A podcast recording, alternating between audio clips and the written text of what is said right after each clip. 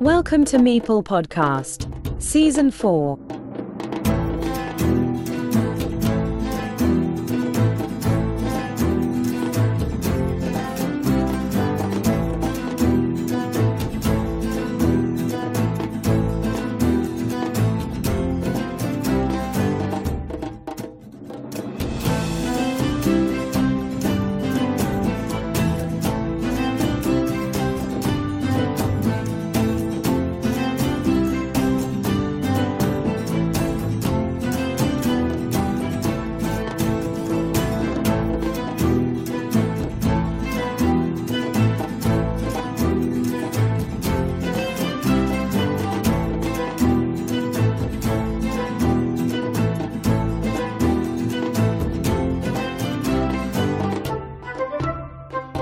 In our program today, we have a guest who has been invited to the World Cup.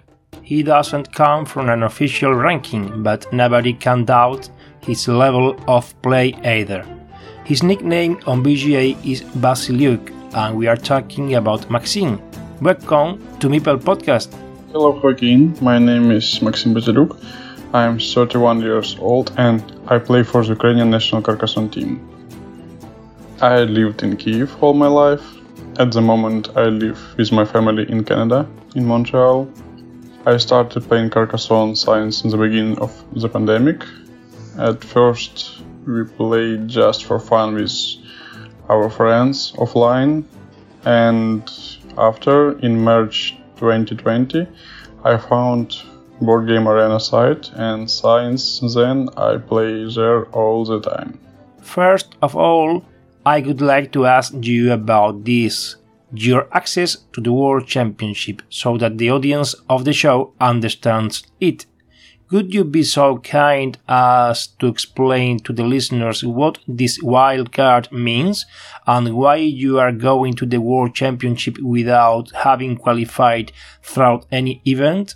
Before the last year's championship in Essen, the game's publisher Hans im Glück, I hope I spell it right, decided to support us not only with words, but also with an invitation to the final tournament for one of the players of the Ukrainian national team.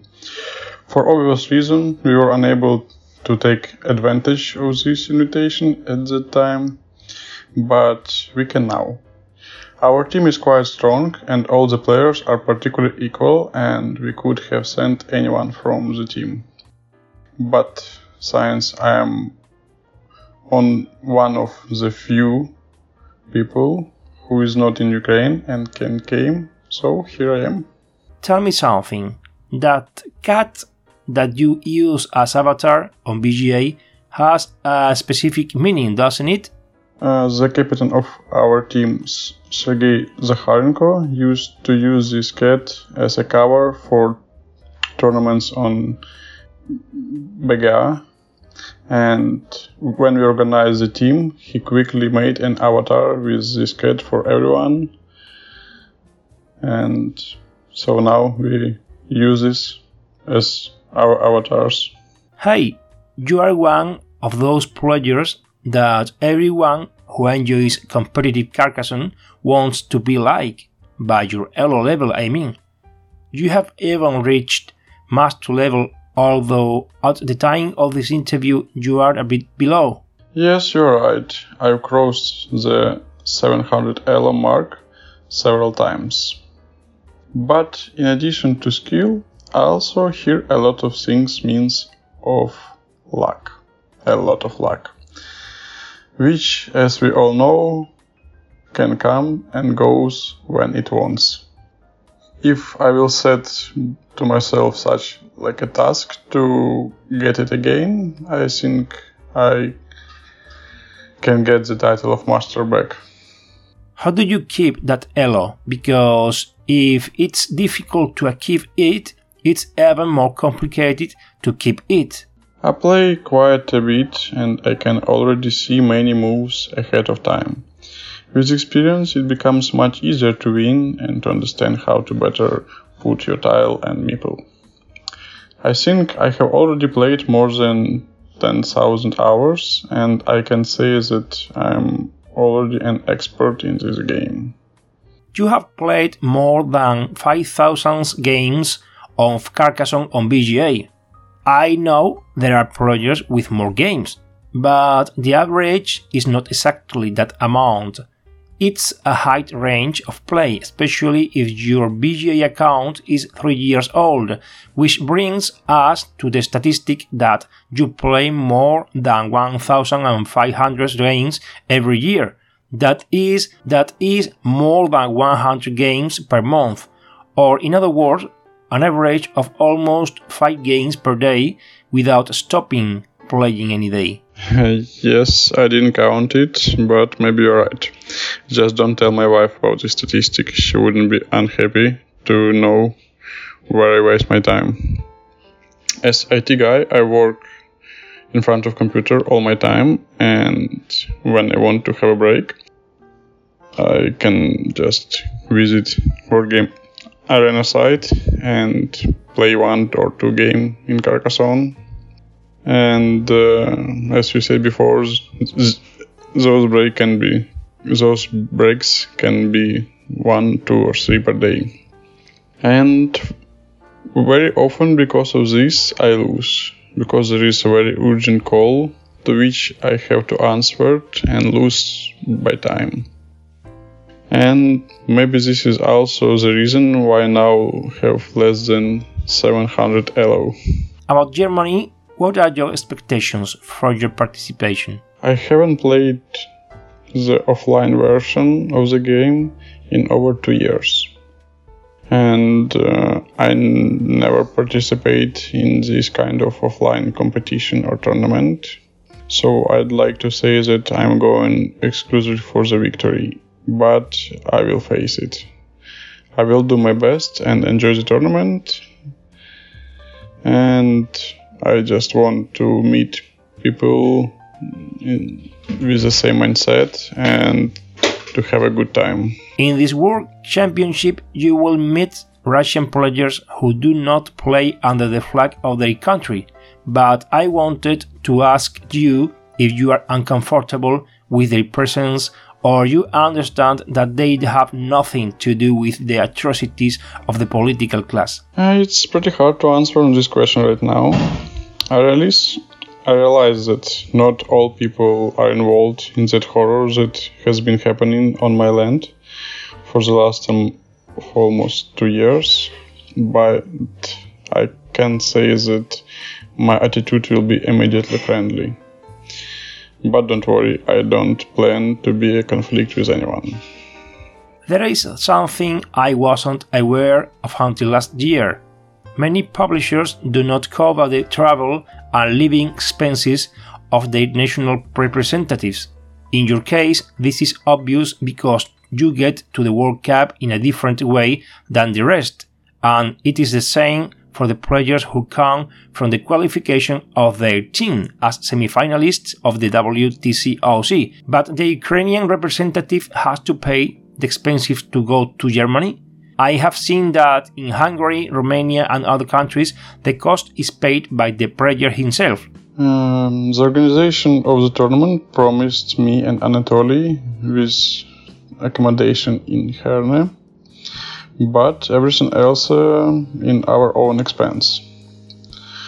Um, the captain of our team, Sergei Zakharchenko, said that he will try to help me somehow and raise money for the flight uh, because ticket from Montreal were very expensive and it can help me to feel myself much better. The Ukrainian team this year didn't reach the playoffs, but regardless of the results, it is important to have recovered the participation in this WTCOC 2023. Uh, to be honest, we haven't had much time for gaming for the last two years, and uh, we didn't came to the tournament with the greatest desire either.